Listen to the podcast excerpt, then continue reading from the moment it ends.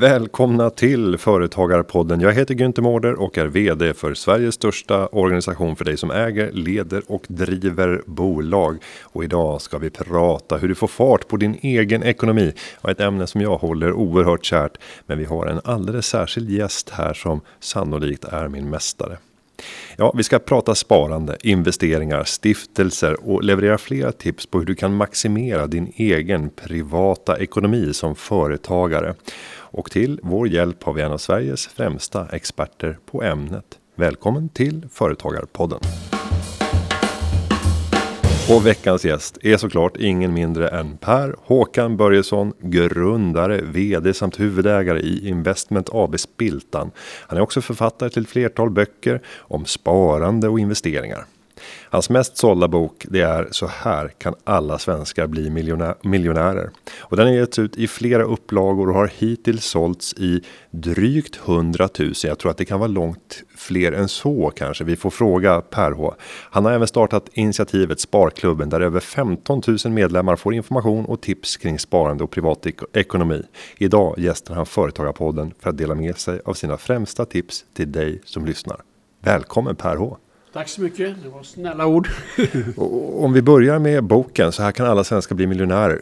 Vad har du för försäljningssiffra? Ja, det är väl nu uppe i 150 000 och sen har jag gett ut en uppföljare lite enklare som heter Så här blir du miljonär i hängmattan och den är väl uppe också nästan lika mycket så att vi har väl sålt en 350 000 ex totalt av mina böcker så det är ju ganska bra för våra privatekonomiska böcker. Men jag har ju delat ut ganska många så då får jag upp upplagan så jag har fuskat lite grann här. Och eh, jag var ju till och med med när vi gav, jag säger vi, när vi gav ut den där boken första gången va? I Almedalen ja. Eh, ja, men jag tänker i, eh, via förlaget på Aktiespararna. Ja, just det, det stämmer. Ja. Så Aktiespararna har tjänat mycket pengar på de här ja. böckerna också, så det är ju trevligt. Det var, var väldigt bra. Det blev en försäljningssuccé utan dess like och sen blev det en månpocket och då blev det ju en raket för priset eh, blev ju oerhört attraktivt när man gör den resan. Författare, var det någonting du hade sett framför dig? Nej, det blev mer av en slump att man började läsa. Jag kom ju utifrån, jag har inte jobbat så mycket i finansbranschen själv, utan jag började läsa böcker och läste om Warren Buffett och sen började jag ju då, eh, ska inte samla de här tankarna. Och det blev en hemsida och så blev det en bok då 2008. Och vi ska väl göra en, en liten sån här innehållsdeklaration eh, och en disclaimer innan vi går vidare i programmet. Så att man förstår eh, vår relation. Minns du när vi träffades första gången? Det kan du knappast göra, den där lilla pojksparven tänker jag. Ja, det var väl kanske Jönköping. Vi satt i bilen tillbaks. Du åkte med mig tillbaks från, på någon aktiesparträff i Jönköping när du var du hade väl hållit något föredrag där? Då satt vi och pratade ganska länge. Det ja, det var en, en, lång tur i den röda Volkswagen var det va? Ja, med Passat. En Passat med mm. stor Spiltan-loggan på sidan. Och jag undrar om vi inte hade varit i Eksjö också vid det tillfället innan och sen till Jönköping. Ja, det var ett av tillfällena. Vi hade egentligen träffats eh, många gånger dessförinnan. Men jag tror att jag var alldeles för liten för att göra något, något väsen av mig. Men eh, vi har ju kuskat runt i Sverige en hel del. Och, och pratat eh, sparandets lov. Vad är det som du finner en tjusning i att inspirera kring sparande? Ja, det är väl fantastiskt som man kan göra fler till miljonärer om man får. Det är det, det roligaste man får respons att jag köpte din bok för eh, 13-14 år sedan och nu är jag miljonär. Va? Liksom det är ju ganska enkla, simpla råd. Va? Det är liksom ingen, eh, och folk tror att det är så komplext och man måste gå till någon Eh, rådgivare och man måste gå till finansbranschen. Men man kan faktiskt göra det själv. Va? Och det, det, är ganska enkelt egentligen. Men det gäller ju då, precis som du säger, lägre kostnader än intäkter varje månad. Och, och sätta iväg pengar till ett långtidssparande. Då blir du miljonär. Och det är bara hur mycket du kan sätta av som avgör hur lång tid det tar. Så det är till och med sant brukar jag säga att alla svenskar kan bli miljonärer. Och varför är det inte fler som lyckas? För de flesta drömmer ju om det. Ja, det är problemet. Det säger min favorit Warren Buffett. Alla kan berika Bax, men man får inte ha bråttom. Va? Så därför köper man Postkodlotter och man köper Bingolotter. Man köper annat. För man vill bli miljonär imorgon. Va? Det är det som är problemet. Och sen är det det här med, alltså när, när man eh, när man sportar och arbetar då är den mest aktiva som vinner och här är det tvärtom. Och det är otroligt svårt med den mänskliga mentaliteten. Att man kan köpa, behålla, vara långsiktig, inte göra någonting. Då blir man en vinnare. Är det bristen på tålamod hos oss människor som spelar in också eller? Ja, och sen är det här liksom, ska du ha mycket pengar, konsumera idag eller ska du ha mycket, mycket mer pengar i framtiden? Det är ju alltid en avvägning. Ska du räksmörgås idag eller ska du ha en middag med, med oxfilé om, om 10-20 år? Va? Det är klart att det är, det är alltid lockande att konsumera idag. Nu lever ju vi i en delvis annan tid än när du började spara i aktier. När köpte du första aktien? Ja, det var någon gång 1974. Och, och, då pratade vi inte ens text-tv fanns vid det laget, eller? Nej, då gick man väl till banken tror jag. Mm. Kommer du ihåg vad du fick betala i courtage i avgift för att köpa Ja, det kommer jag inte ihåg, men det är säkert en procent säkert. Det var hiskliga belopp mm. mm. eh, och, och, pristransparensen var rätt låg. Man, man fick eh, gå och ta emot informationen på banken. Sen kom text-tv och då fick man med en kvarts fördröjning så kunde man se kurserna. Det var en annan tid vi levde i då jämfört med idag. Och jag, jag leker med tanken så här, var det lättare för den som började med aktier på 70-talet att tänka långsiktigt och inte lockas med i dagtrading eh, eller annat? Ja, det måste man nog säga. Här kan du sitta på tunnelbanan så får du, nu har Volvo vinstvarnad, du säljer din aktie. Va? Så du får ju det här transaktionsmentaliteten är ju, ja du ser nu det här med GameStop och du ser om man tycker att courtaget är lite men man minskar då till exempel att spreadkostnaden skillnaden mellan köp och säljkurs är tio gånger courtaget. Så man, man tror att det inte är några kostnader med, med att handla med aktier. Men, men det, är, det är hela tiden kostnader och det är skattekostnader och det missar många man, man köper och säljer. Och man säljer bra bolag för tidigt, det är väl allra vanligast vanligaste misstaget. Eh, och, som då, och, och det, det fokuset blir då när, när, det är så lätt att handla och det är så låga kostnader tycker man. Men det är dolda kostnader hela tiden. Du har valutakostnader, du har courtagekostnader, du har spreadkostnader och, du har, och att du säljer bra bolag för tidigt. Så att jag eh, absolut köp bra bolag. Till exempel svenska investmentbolag gör ingenting på 30-40 år. Då blir du en vinnare. Men det är otroligt svårt att, att eh, få människor att förstå det. Och om vi ska försöka ställa en rimlig avkastningsförväntan på vårt sparande. Om vi tänker den delen som vi utsätter för risk genom att investera i aktier eller aktiefonder. Vad tycker du är en rimlig årlig avkastning om vi står beredda att avvara de här pengarna i, låt oss säga 20 år framåt? Ja, det är ju 8-10 procent. Det har ju varit historiskt. Nu har vi för sig haft bra aktieår, men liksom se på våra fonder som vi har. Spiltan Fonder har ju varit 13-14 procent i årlig avkastning sedan vi startade 2002. Och jag har lyckats även, även privat än, än, ännu mer då. Va? Så att det är absolut för de flesta, men de flesta har ju då lägre. Om börsen går upp 8 procent av genomsnittsspararen kanske bara eh, 5, 6 eller 4 procent i avkastning för att man säljer bra bolag för tidigt, man gör för mycket transaktioner. Så att det, det är ju fa faktiskt fascinerande att även om börsen ger 8 procent, då får man inte den avkastning för man har för mycket transaktioner och man byter för ofta. Och varför gör man det? Ja, det är det här med, med man blir lockad och man... Ja, men det är ju som trädgårdsmästaren. Man, man, man hugger ner solrosen som har vuxit till, till takåsarna och sen går man runt och vattnar ogräset för det, det kommer nog vända. Va? Så det är ju så man beter sig med aktier. Man, man, man hugger ner dem och säljer de bästa aktierna som kan bli ännu större vinnare och, och man eh, går... Ja, den här, den här kommer att vända. Det, det, det är så, så man agerar som aktieplacerare. Du har ju blivit oerhört känd som en eh, sparinspiratör och investeringsinspiratör eh, eh, också. Men jag tänkte vi ska prata om ett område där kanske media inte är lika intresserade och där man inte syns lika mycket och det är ju det ni har gjort på Spiltan, nämligen investerat rätt mycket i små onoterade bolag, i småföretagare och varit med på resan. Tanken när ni startade Spiltan, vad var det? Ja, det var ju att, eh, att investera minoritetsposter i onoterade bolag och hjälpa de här entreprenörerna. Och sen har vi då sagt hela tiden att vi ska köpa och behålla och vi är långsiktiga. Vi har ingen exit-strategi som varit lite unika. Och då med, med, med, med hjälp av att vara med i styrelsen, eh, tillföra kapital, kunnande, kompetens så ska man få en ännu bättre resa som entreprenör och att man då kan behålla majoriteten. Det är många som köper bolag men de flesta vill köpa hela ägda bolag, åtminstone majoriteten. Så man kan gå och låna då i banken och få högre avkastning på det egna kapitalet. Men vi har ju valt att fokusera på minoritetsposter i onoterade bolag. Och nu är det säkert många av våra lyssnare som inte kan Spiltans historia. Om vi ska ta några årtal och berätta om lite belopp, kanske några bolag. En kort berättelse om Spiltan från start till idag. Hur skulle den låta? Ja, det startade som en aktieklubb. Vi hade läst, eh, ett gäng som har läst industriell ekonomi i Linköping då på 70-talet. Och sen eh, bodde jag i USA när jag flyttade hem då så startade vi det här som en aktieklubb. Så under tio år från 1986 till 1997 kan vi säga vi var glada amatörer och köpte och sålde. Och, eh, och sen då 1997 bestämde jag mig för att jobba heltid med det här och då samlade jag ihop pengar. Vi fick väl ihop 15 miljoner kronor då 1997. Och sen gjorde vi, var det bra tider där, slutet på 90-talet och gjorde ytterligare emissioner. Och, så totalt har vi väl tagit in en 150 miljoner drygt från, från aktieägare som idag då är ja, nästan 8 miljarder då. Och plus att vi har gett tillbaka med inlösen och annat, kanske 400-500 miljoner. Och då har vi fokuserat. Först var det fonder, sen var det saminvestering med affärsänglar i minoritetsposter, lite, även lite olönsamma eller tillväxtbolag. Eh, och nu är det fokus på ja, både tillväxtbolag, vi har fastigheter, Eh, vi har eh, startat och Spiltan Fonder som en stor succé. Men huvuddelen av, av tiden lägger vi just med minoritetsposter i tillväxtbolag. Som, som, och den stora succén är då det, det Paradox Interactive som nu är då på First North Premier.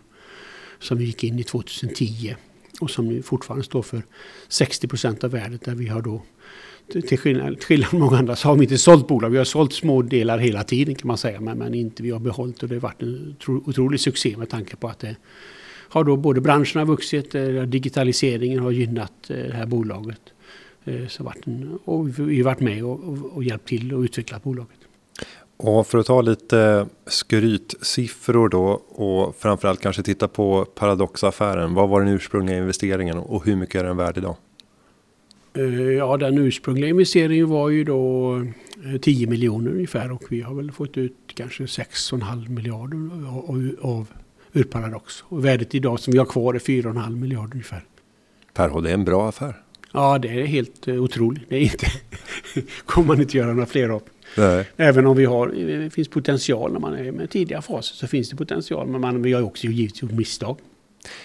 Och vi ska komma till de misstagen också. Men vi kliar i fingrarna och att du blir ivrig att försöka hitta de här nästa generations paradox. Hur mycket är den längtan? Hur stark är den inom, inom dig? Ja, det är ju det vi jobbar med. Vi håller på med tillväxtbolag och har en tech-sida. Men då är ju problemet att, att eh, nu investerar vi kanske en halv procent av kapitalet. Det var ju det som var den stora succén 2010. Vi vågade investera 10 procent av kapitalet. Vi hade väl ungefär 100 miljoner drygt då. Och det har blivit en fantastisk succé. Men sen år 2000 investerade vi i ett bolag som heter Itri Micro. Också 10 procent som i princip gick överstyr eller som inte fick tillbaka några pengar. Så det visar ju eh, att man, att man också ska ha tur givetvis. Om vi tar de där andra affärerna som man helst av allt kanske inte pratar lika mycket om. Investeringar som har gått snett i, i små bolag i tidiga stadier. Vill du bjuda oss på några exempel? Ja, det är just vi har missbedömt, eh, gjort då, tagit dåliga referenser på entreprenörerna. Att de var inte lika duktiga eh, som vi trodde. Eller, och, och det andra är just med bransch fokus. Eh, att man, man, man, vi har kanske inte haft så mycket resurser att gå igenom branschen. Då litar man, lägger man 80-90% av tiden och lyssnar på entreprenören, blir, blir entusiastisk och sen kanske den här entreprenören inte har kollat. Det har vi gjort några, några misstag. Och sen är det vanligt misstag är ju att man, att man betalar för mycket givetvis. Vad är den här, den här idén värd? Den är värd 10 miljoner eller 50 miljoner. Det finns inget som, som rätt svar på det. Det är, det är väl problemet då. Och kan man säga att man lär sig av sina misstag eller tenderar man att återupprepa dem gång efter gång efter gång? Ja, vi försöker det, men, men vi gör ju misstag också hela tiden. Så att man betalar för mycket eller, eller vi, vi, tror på någonting, att den här affärsidén ska hålla. Men så visar det vara mycket svårare. Än, liksom, allting tar ju längre tid och, och kostar mer pengar när man håller på med tidiga faser. Det är ju en lärdom vi har lärt oss flera gånger. Men samtidigt är det ju då fantastiska möjligheter om man lyckas hitta den här entreprenören och den här affärsidén som, som slår. En annan stor eh, personlighet där kronan kom lite på skan i efterhand. Men eh, han var enormt hyllad under sin tid. När han drev investmentbolagskonglomeratet. Eh, eller private equity konglomerat. Jag vet, jag vet inte vad han valde att kalla det. Men det var ju Arne Karlsson. Arne Karlsson när han ledde Ratos gjorde ju en makalös resa. Sen var eftermälet lite, lite sådär svajigt. Men han sa alltid att vi brukar köpa dyrt och vi säljer också dyrt. Men under den tiden så låter vi bolaget göra en resa som innebär att eh, vinsttillväxten ger oss eh, avkastningen. Hur tänker ni i förhållande till att eh, stå beredda att köpa dyrt till en hög multipel som man skulle säga inom finansspråk och sen sälja dyrt. Men under resans gång bara jobba med vinsten. Det roligaste är ju om man kan få både. Både få den här resan i värderingen och en underliggande vinsttillväxt. Ja, det stämmer ju precis. Eh, vad vi säger, Paradox eh, ser de omsatte 60 miljoner och tjänar väl kanske 4-5 miljoner. Vi tyckte det var betalade dyrt då när vi betalade 30 miljoner. Bolagsvärde 30 miljoner då. Och idag är ju, eh, får se vad siffrorna blir då eh, imorgon på 2020 men vi pratar om 500-600 miljoner i vinst. Det är klart att sen är det en annan, eh, en annan multipel, högre multipel på börsen och sen har ju vinsten exploderat. Men, men, men om man går tillbaka till Ratus så var ju misstagen att de sålde bra bolag för tidigt. De hade alltså ett incitamentsystem, att investment manager fick en syntesisk option och fick en del av vinsten. Och sålde man till exempel Anticimex för jag tror det var 2-3 miljarder och nu är Anticimex eh, värt 40-50 miljarder och liksom Ratos är värt 10 miljarder. Så det är klart att om man hade behållit Anticimex då hade ju Ratos bara med det varit värt 4-5 gånger mer än vad de är värda idag. Så det var ju liksom fel incitamentstruktur i, i det bolaget. Och sen vet jag när Ratos gick in i oljeserviceindustrin och köpte det norska bolaget AIBL och jag fick lyssna på den norska entreprenören som uttalade sig i samband med affären. Och han bara kvittrade och sa det är glimrande. Och då fattade jag att det här är då inte bra. En aktör som inte har någon kunskap alls om oljeserviceindustri som köper av en norrman som kvittrar glimrande. Då, då har man sannolikt köpt för dyrt. Eh, jag misstänker att du och jag är ganska lika som personer när det gäller synen på bolag och bolagsvärdering. Och då vill jag testa det. Du tycker generellt sett just nu, om vi skulle titta på börsen, att det mesta är övervärderat? Ja, det är i alla fall högt värderat, men samtidigt har vi då låga räntor, vi har stimulanspaket och liksom det är stora frågan är det här. Eh, är vi nu i februari 1921 med åtta års börsfest och glada 20-talet eller är vi i, i, februari år 2000 när det kraschar om en månad. Va? Och, det, och det är ingen som vet. Utan man måste vara, tycker jag, mentalt förberedd på både, både och. Va? Det kan hålla på åtta år till och, och när, nu när då regeringar och riksbanker och andra det fungerar med de här stimulanspaketen. Vad kommer man göra mer då? Om det blir någon mer nedgång då kommer man göra mer stimulanser. Men samtidigt är det väl allmänna meningen att det här, hur länge kan vi hålla på med det här? Så att det, men jag, jag, jag vet inte, jag tror ingen annan. Man, det är massor med folk som har synpunkter på det här. Men, men, utan man måste vara mentalt förberedd att det kan komma en, en riktig sättning. Men jag tror nog att det mest troliga är att det kommer att fortsätta. Även om, om det är ju hiskeliga värderingar på vissa, vissa håll. Och man pratar ju om en faktor FOMO, Fear of Missing Out. Det saknas alternativ på marknaden och därför så kastar man sig in, in, i aktier. Man ser resor som andra har gjort under den här perioden och sen är man rädd för att missa tåget. Hur pass stark tror du att den här faktorn är som drivare för fortsatt uppgång? Ja absolut, du ser ju det är inte så lätt att sitta med det är någon som har träffat som jag sålde alla mina aktier för tre år sedan. Så ser han hur grannarna och kompisarna blir rikare och rikare. Så går han in då och satsar pengar på det. Det är ju det svåraste givetvis att kunna sitta.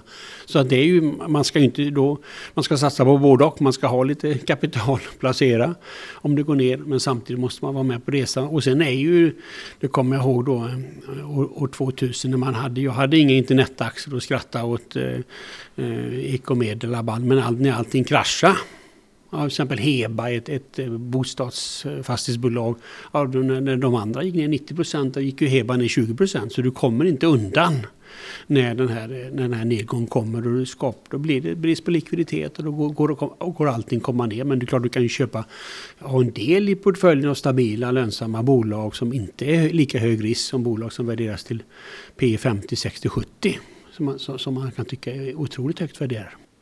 Samtidigt så upplever jag att du har en, en större respekt för marknaden och att marknadens mani kan fortsätta under lång tid. När vi mejlade inför den här podden så berättade jag att jag hade blankat Tesla kort kort då och spekulerat i nedgång och samma sak skulle jag kunna göra med bitcoin nu. Eh, men det där är ju ganska vanskligt. För vansinne kan ju fortsätta även fast man tycker att det här saknar helt substans. Hur tänker du i de där lägena för att inte kastas med och bestämma sig för att stångas mot marknaden? Ja, det var ju till exempel för ett år sedan. Jag brukar göra en sån där prognos. För ett år sedan sa jag att man borde ju blanka Tesla. Mm. Det borde man inte ha gjort då. Och då konstaterar jag att Tesla gått upp sex gånger. Så det, var, vad sa, det var väl Keynes som sa att marknaden kan vara eh, felvärdera längre än du är solvent. Va? Och, det, och det stämmer och det ser man hela tiden. De här som satsar nu. De, jag håller på att läsa en bok om hedgefondindustrin. Va? Liksom hur mycket bett de har tagit och ibland har de vunnit otroligt mycket och ibland har det, har det gått helt fel. Eller Big Short till exempel är ju samma sak. Han höll ju på, hans investerare sa att du måste sälja det, du kan inte hålla på så här. Men så vann han till slut då. Va? Han vågade vara kvar och satsa på att det här skulle krascha då 2008. Så att det är otroligt eh, svårt. Men att just blanka aktier Ja, det visar ju det här med GameStop till exempel att nu var det en, en ny en småspararrevolution. Va? Det innebär otroligt eh, farligt. Och att, att eh, dels kanske inte stämmer vad du tror men framförallt kan det ju då fortsätta upp, upp, upp hela tiden. Ja, i slutändan kommer fundamenta att segra, men det kan ta ganska lång tid innan mm. mm. fundamenta faktiskt eh, är där. Men om vi då går tillbaka till dina samlade erfarenheter från investeringar i onoterade bolag, entreprenörer i tidiga skeden. Om du nu skulle behöva summera, vad är de viktigaste sakerna som ni tittar på i en potentiell investering när ni tittar på ett, ett bolag lett av en entreprenör i ett tidigt skede? Ja, det är ju entreprenören, vad han gjort tidigare och vad han för drivkrafter. Va? Och sen är det klart att affärsidén, eh, vad, vad, är det, eh, kommer det här, är det i rätt bransch och så vidare. Eh, och sen vad är det potentialen givetvis eh, i, i den här, hur svårt är det att utnyttja det här. Och sen är det då priset givetvis. Va? Det är ju ändå priset vad du betalar, värde vad du får. Och det är alltid, det, det är otroligt svårt. Och samtidigt vill man ju inte späda ut entreprenören så mycket så att han inte tappar lusten. Så det är alltid en, en avvägning där. Men det är väl de saker man tittar på. Vad är en lagom post som eh, första för ni brukar ofta vara första externa ägare eller? Ja, ofta. Ja, 20-30 procent brukar vi väl säga. Mm. Brukar, brukar vi, tycker vi en, en, en... Och berätta om logiken. Varför är det viktigt att inte, låt oss säga, plocka 49 procent av bolaget? Ja, då är ju eh, när du investerar i hyfsat tidiga faser, då måste du ha pengar för alla framtida runder om pengarna tar slut, om då entreprenören har eh, vi har varit med där entreprenören kanske startar på 70 procent och slutar på 3 procent om, om pengarna tar slut tillräckligt många och då tappar ju entreprenören eh, intresset och, och, vill bara ha lön i princip. Han har inget ägande kvar. Så därför är det ju kanske lämpligt att börja med 20-30 procent. För det kan, även om man ofta säger att ja, vi, vi, ska klara oss på de här pengarna, men så är inte fallet i och med att det tar längre tid och kostar mer pengar. Och, och, då är det ju viktigt att entreprenören har kvar drivkraften och då är det ju, ska han ju ha kvar en, en, en stor ägarandel. kan man i och för sig lösa med optioner och annat men, men eh, det är väl så vi tänker. Och om man nu tittar eh, med er egen resa från 90-talet fram till idag så står ni ju inför helt andra typer av beslut. Eh, nu är ju det investeringsbara kapitalet, även om mycket ligger låst i, i paradox för tillfället. Men när ni ska göra en investering som ska kunna göra avtryck i er portfölj så måste det ju vara ett så enormt mycket större bolag än vad det behövde vara ursprungligen. Hur tänker ni i förhållande till det? Ja, vi investerar både då, ja, i våra fall 20-30 miljoner då, som var mycket mer pengar än vi gjorde för 10 år sedan. Men samtidigt har vi gått in i börsbolag. Vi tog en uh, eh, största ägare i ett fastighetsbolag som, på First North som heter Bonasudden och då investerar vi nästan 90 miljoner. Så vi tar ju lite större bett och vi tittar även på att starta bolag tillsammans med någon som vill bygga, bygga verksamheter och då är det, är det mer pengar. Så vi måste helt enkelt titta både på börsbolag och titta på att investera mer pengar per investering. För 20-30 miljoner, även om det är mycket pengar, så är det fortfarande ganska lite i förhållande till det totala, den totala substansen. Ja, det är, så, så, är det. Men samtidigt är det ju en fördel att inte om du kommer upp och investerar ännu mer pengar, ja, då tar du större risker i de här faserna och samtidigt ligger vi lite under. Det finns ju venturefirmor och andra som, som eh, investerar hundratals miljoner. Då blir det mycket hårdare konkurrens om de, om de affärerna. Så vi, vi tycker väl om att ligga i det, att både investera de här lite mindre tidigare faserna och även investera i stabilare bolag. Då. Min upplevelse är också att det har blivit väsentligt mycket mer trångt i eh, det här området. När vi pratar investeringar 10 till 30 miljoner så finns det idag så många fler aktörer än vad det gjorde bara för 20 år sedan. Hur hanterar man den situationen? Ja, det, samtidigt finns det ju många spännande bolag. Men det finns till exempel Family Offices var något som inte fanns för 20 år sedan. Nu är det ju många entreprenörer som har tjänat pengar och, och, och som investerar i tidiga faser. Så det, det, det, är något nytt som har hänt tycker jag de senaste 10 åren. Och även vi var ganska ensamma för 20 år sedan. Men nu finns det ganska många som försöker komma in i det här. Och om vi ska förklara för alla lyssnare, ett family office, det är vanligtvis en eh, förmögen familj som vanligtvis har varit entreprenörer, har fått en eh, stor förmögenhet som sen måste förvaltas och så sätter man upp ett team kring det som får sköta investeringarna åt bolaget. Inte sällan så finns det också kanske olika stiftelser kopplat till de här family offices som har olika ändamål. Det kan vara både att göra gott utanför eh, familjen, men det kan också finnas någon stiftelse för att hjälpa framtida familjemedlemmar. Och anledningen till att jag broderar ut på det här sättet är att jag vill göra en brygga över till ett annat område som jag vet att du har mycket kunskaper inom. Stiftelser. Och för dig som företagare. Vill du berätta lite grann om hur du ser på möjligheter med att kunna använda stiftelser som instrument för att kunna åstadkomma olika saker som företagare? Ja, det finns ju många olika typer av stiftelser. Det finns ju eh, allmännyttiga stiftelser som ger väl, välgörenhet och det finns det personalstiftelser. Men det, det, vi har eh, jobbat med, vi har ett familjeföretag i bilbranschen då som min far startade för 65 år sedan. Som säljer Scania och Volkswagen Audi eh, som mina bröder och brorsöner driver då som jag fortfarande är aktiv. Och där fick pappa Folke då en, en, ett råd för 45 år sedan. Nu när det har gått lite bättre här ska du inte starta en stiftelse. Men det är, en, det är alltså en pensionsstiftelse för våra privata pensioner. Och där har vi då eh, bara köpt och behållit aktier under, under 45 år och kanske fått 300-400 gånger det kapital som sattes in. Om du köpte en vanlig pensionsförsäkring, då har du kanske fått 100 gånger. Alltså det, och det är då köpa och behålla svenska investmentbolag, låga kostnader, inte göra någonting. Det har visat sig otroligt framgångsrikt. Och för 15 år sedan i det här Börjessons bil och så startade vi en pensionsstiftelse för våra ITP-pensioner, alltså våra eh, fackligt anslutna tjänstemän som är födda innan 1979. Och då på samma sätt där, ja, då tog vi en risk. Vi investerade i 100% aktier i den här stiftelsen.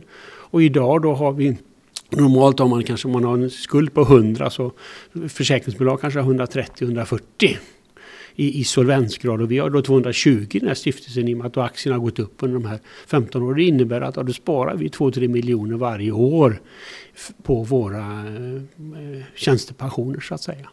Och det, och det är ju, och nackdelen med det här, och det är ju att det tar tid liksom om du ska sälja ditt bolag om tre eller fem eller tio år. Om du är börsbolag, det finns det sådana här eh, IFRS-regler som gör det. Men som familjeföretagare, om man är riktigt, riktigt långsiktig, ja då är det fantastisk eh, avkastning. Men man kan inte gå till sin eh, försäkringsrådgivare och fråga, jag alltså, funderar på att starta en pensionsstiftelse och sätta in pengar där istället för då får de ju mindre intäkter. Så att pensionsbranschen är, är ju emot det här. Så man måste vara mycket långsiktig och så är det lite jobb då man måste ha med sig personalen i, den här, i de här stiftelserna och, och lite administration runt det hela.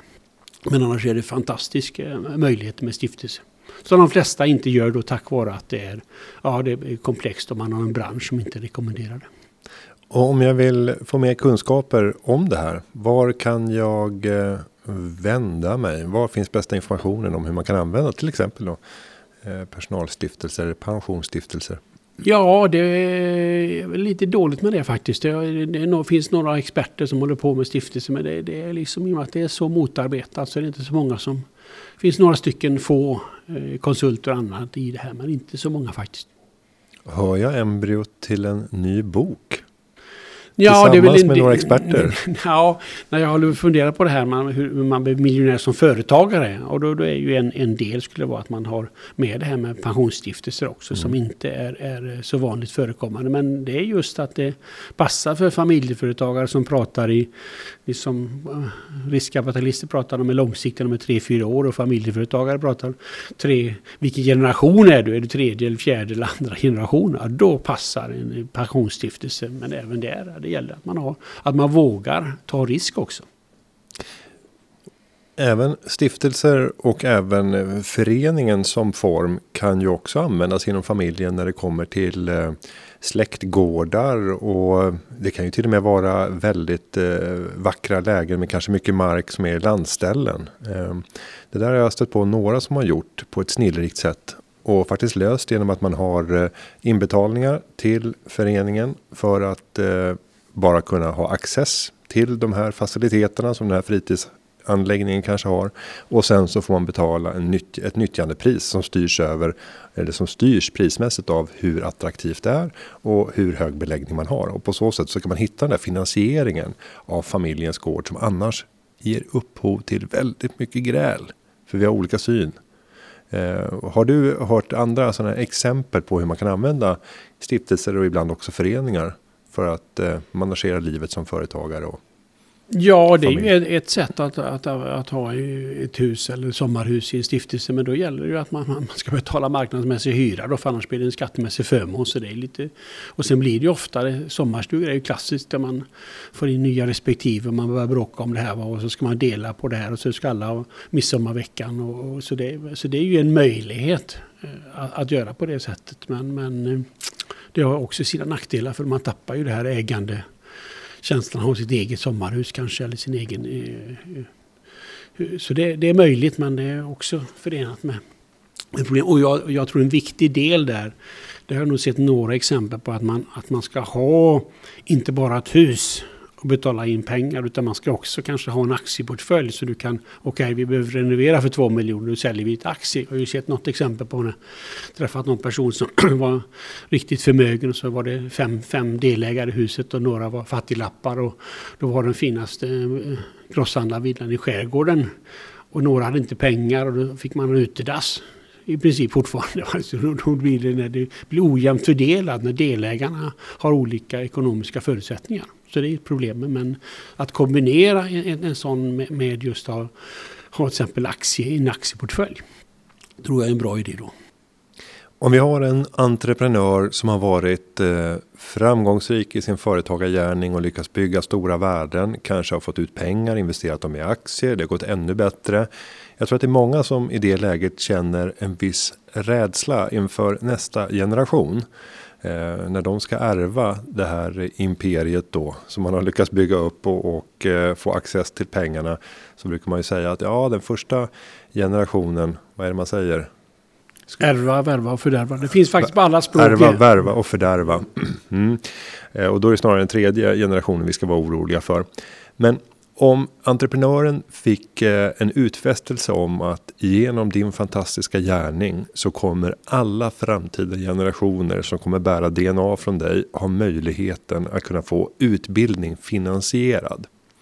Eh, då tror jag att många entreprenörer skulle säga att det där drömmer jag om. Att man även om hundra år i min släkt, om man bär mitt DNA så har man accessen till världens utbildning genom att man kan få finansiering för det. Hur kan man lösa en sån här dröm? Ja, det finns väl, jag tror till exempel familjen Bonnier har någon familjestiftelse som har just den funktionen. Va? Men, men eh, det, det, är väl en möjlighet att man sätter in det i statuterna i en stiftelse då. Men en pensionsstiftelse kanske inte det passar så bra för. För den ska ju ge ut pension så småningom för framtida generationer. Men det är värt att tänka till innan det är för sent. Många kommer väl på alldeles för sent att man vill göra olika saker med, med sitt kapital. Hur tar man upp de här diskussionerna? För det är inte alldeles lätt att prata om, om pengar, arv, fördelning. Nej, och det, det, är väl jättebra att man tar upp den diskussionen och liksom Det är väl en, eh, jag håller på att skissa på det. Man har ju inte gjort det här tidigare, man har byggt sitt bolag i 30-40 år men man har aldrig funderat på hur ska nästa generation ta över eller ska man sälja bolaget?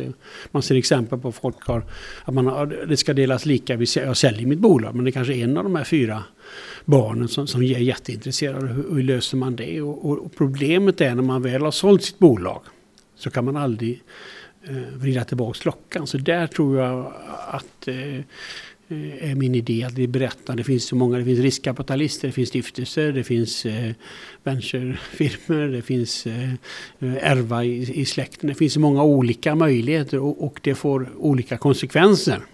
Och, och, det har man nog inte riktigt klart för sig när man sitter där och, och, och hur ska det här bolaget leva vidare? Och är det smart att sälja när en, kanske en av fyra barn vill driva det vidare? Men hur gör man då för att det ska bli rättvist till exempel? Då?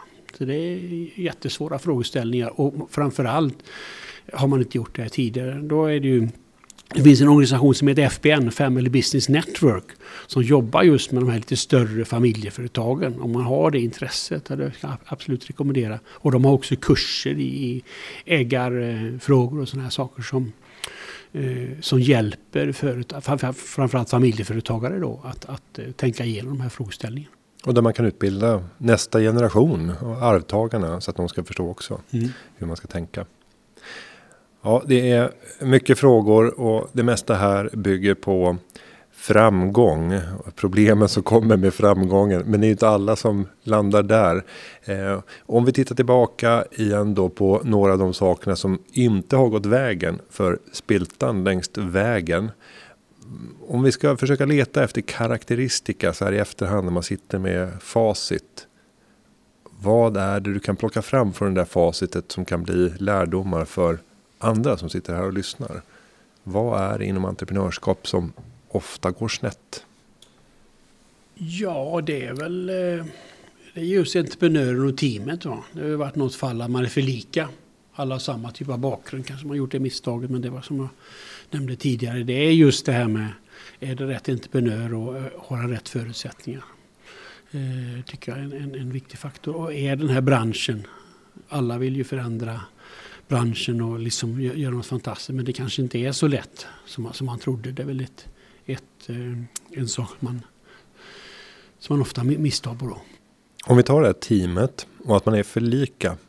Hur eh, ska man kunna ta reda på det i tidigt stadie? För att när man är lika så är, är det ofta ganska roligt. Och jag tänker Spiltan, var inte ni ganska lika? Jag tänker ni pluggade samma utbildning, ni är ungefär lika gamla.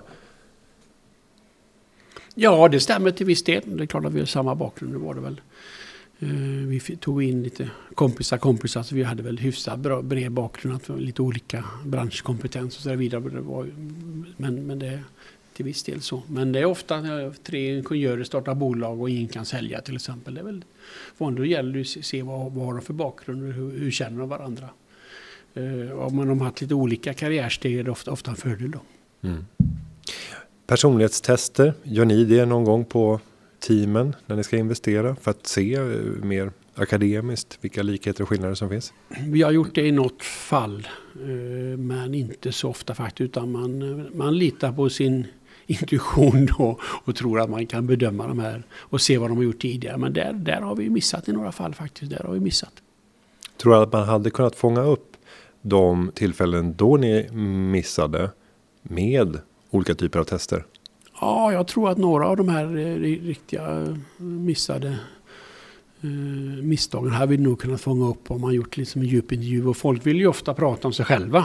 Så det är ju en fråga man ställer. Vill de verkligen?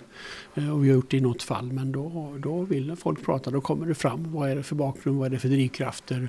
Vad har de gjort tidigare? Som, är, som är, kommer fram mer information än vad man skulle fått. Kanske bara när man, när man litar på sin intuition. Då. Den här företagaren sen då som har möjligheter att eh, driva sitt bolag till 100% och investera alla pengar som skapas och strunta i utdelning eh, och istället återinvestera i verksamheten.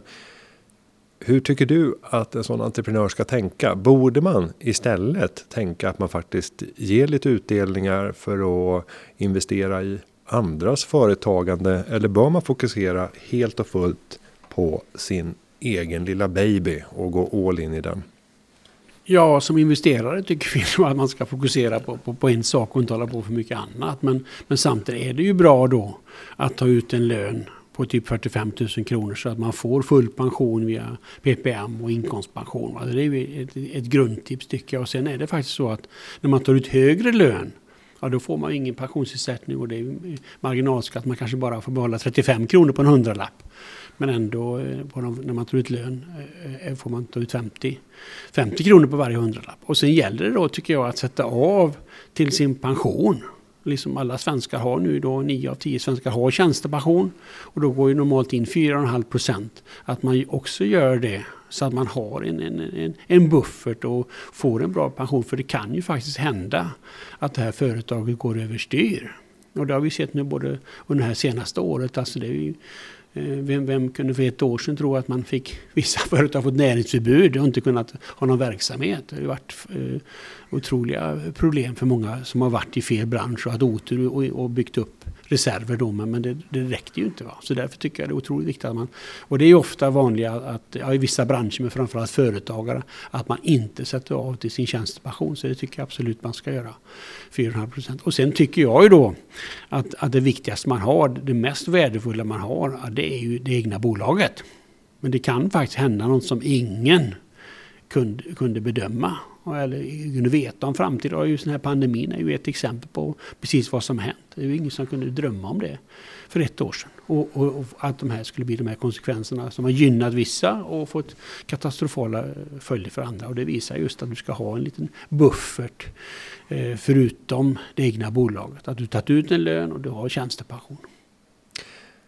Och ibland så får man ju höra eh, lite skämtsamt eh, brukar man uttrycka det. Men, men förbered för att ett eh, träd kan ramla ner över dig. Men det där är ju faktiskt en händelse som ni har fått se på relativt nära håll va? Där faktiskt rent fysiskt ett träd har fallit ner på en entreprenör. Just det. Han eh, gick ut och eh, skulle rädda en cykelgång där han bodde. Och så kom det en, en, en stor trägring så han är fortfarande två år sedan.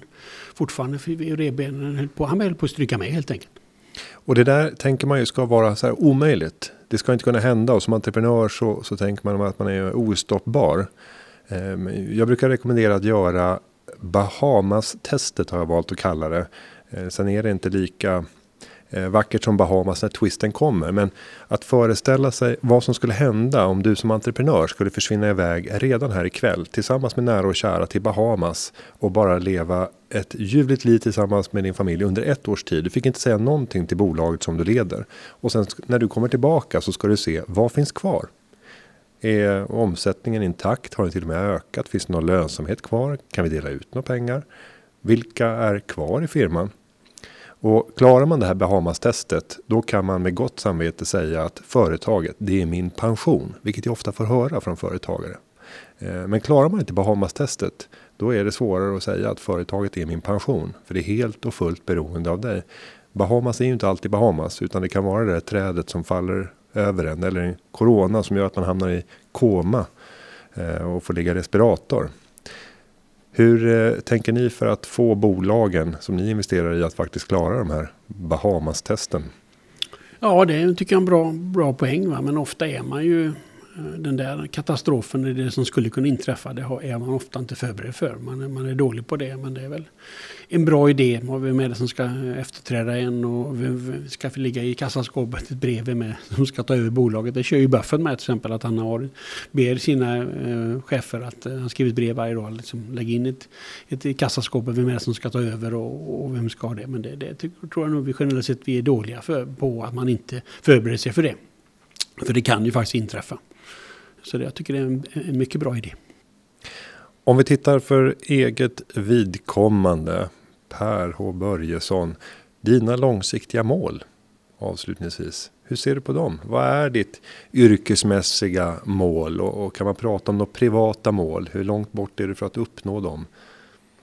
Ja, jag tycker det är fantastiskt kul att hålla på eh, med det här och, och, och man då, någon som var med på resan som har följt mina råd och som köpt aktiespiltar nu får, får mig beröm då att man har gjort många eh, förmögna. Så det är ju jättekul. Och sen har jag inte ändrat mina levnadsvanor så det är jättemycket.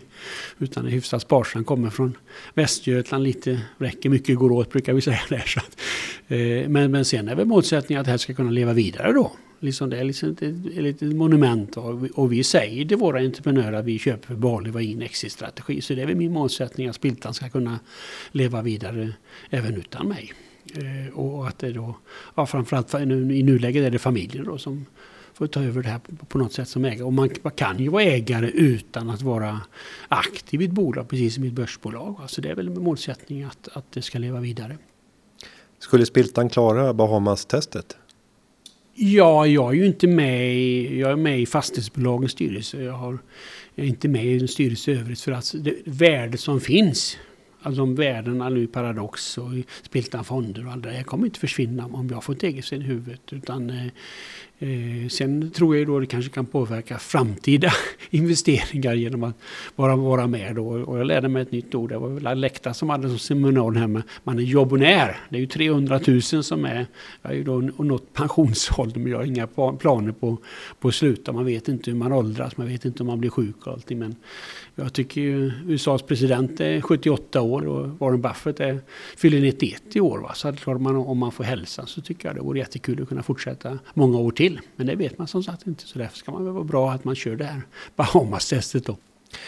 Och om vi då tittar på många vanliga svenskar, om man ska uttrycka sig så generellt och luddigt, så drömmer nog många om att eh, plötsligt ha massor med pengar och drömmer om vad de skulle göra med alla de pengarna. Per H, du är ju där. Hur tänker du kring det? Jag ser inte speciellt mycket i din livsstil som har förändrats från de första gångerna vi träffades i början på, på 2000-talet. Men det har blivit eh, både en och kanske två eller kanske tre nollor mer i tillgångar. Ja, men eh, det brukar jag avsluta när jag håller föredrag. Man är miljonär och man pratar om pengar och man ska spara. Men alltså, lycka och pengar har inget samband. Va? Även om du vinner en miljon, det visar sådana här lyckoundersökningar efter, efter ett år, där du är på, tillbaka på samma lyckonivå. Va? Så att det, det gör att du... Eh, och det här, så därför ska man ju då vara eh, andra saker. Att det är liksom familjen, det är vänner, bekanta och, och att man lever sparsamt. och, och, och kanske kan lämna efter sig några pengar eller, eller framförallt ge. Man mår bättre om man, om man ger dem. Och sen tycker jag tiden är vår viktigaste resurs, brukar jag alltid säga. Liksom det är den tid du har. Och det är klart, det vet vi. Ingen vet hur mycket tid vi har och tiden är lika för oss, lika för oss alla. Och det är klart att om man då har pengar, ja då kan man faktiskt disponera sin tid som man vill. Det är väl kanske det viktigaste man får om man, om man har pengar. Men själva liksom prylar, det är ju problemet. Det kan ju alltid ha någon bättre klocka eller finare hus. Men liksom om du har, eh, att satsa på upplevelser med familj, och vänner. Och nu har det varit svårt att resa men då kan man ju tänka tillbaka på alla resor vi har gjort. Eller resor runt i Sverige. Så att jag tycker det är viktigt. Då kanske någon liten eh, godare vin och någon eh, trevligare räksmörgås kanske. Men, men inte, det tror jag man ska satsa på. Det är, inga, det är inga excesser jag har här. Men, men jag ser mig själv i dig. Eh, och jag tänker att eh, ja, om eh, vad är det? 20, 25, du ligger 27 år före mig tror jag. Så, så skulle jag också vilja se tillbaka ungefär som du gör på de, de åren. Per H, stort tack för att du kom till Företagarpodden och delade med dig av en bredd av kunskaper. Jag tror det här uppskattas av våra lyssnare. Stort tack! Tack så mycket! Och jag ska säga till dig som lyssnar, vill du ha mer tips och inspiration kring hur du kan få ordning på ekonomin i ditt företag och kring ditt företagande. Gå in på företagarna.se och titta under fliken driva eget. Underlaget för den här podden är förberett av David Hagen och klippningen är gjord av Petra Cho. Vi hörs igen nästa vecka. Ha det så gott. Hej då!